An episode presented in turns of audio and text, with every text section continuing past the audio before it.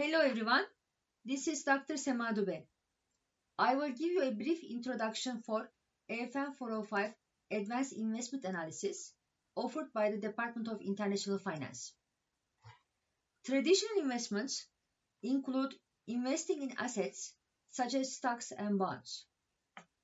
But you can also invest in alternative assets such as real estate, commodities, collectibles, structured products, and crypto assets. In this class, we will discuss several types of alternative investments using real-life case studies. I hope to see you in class.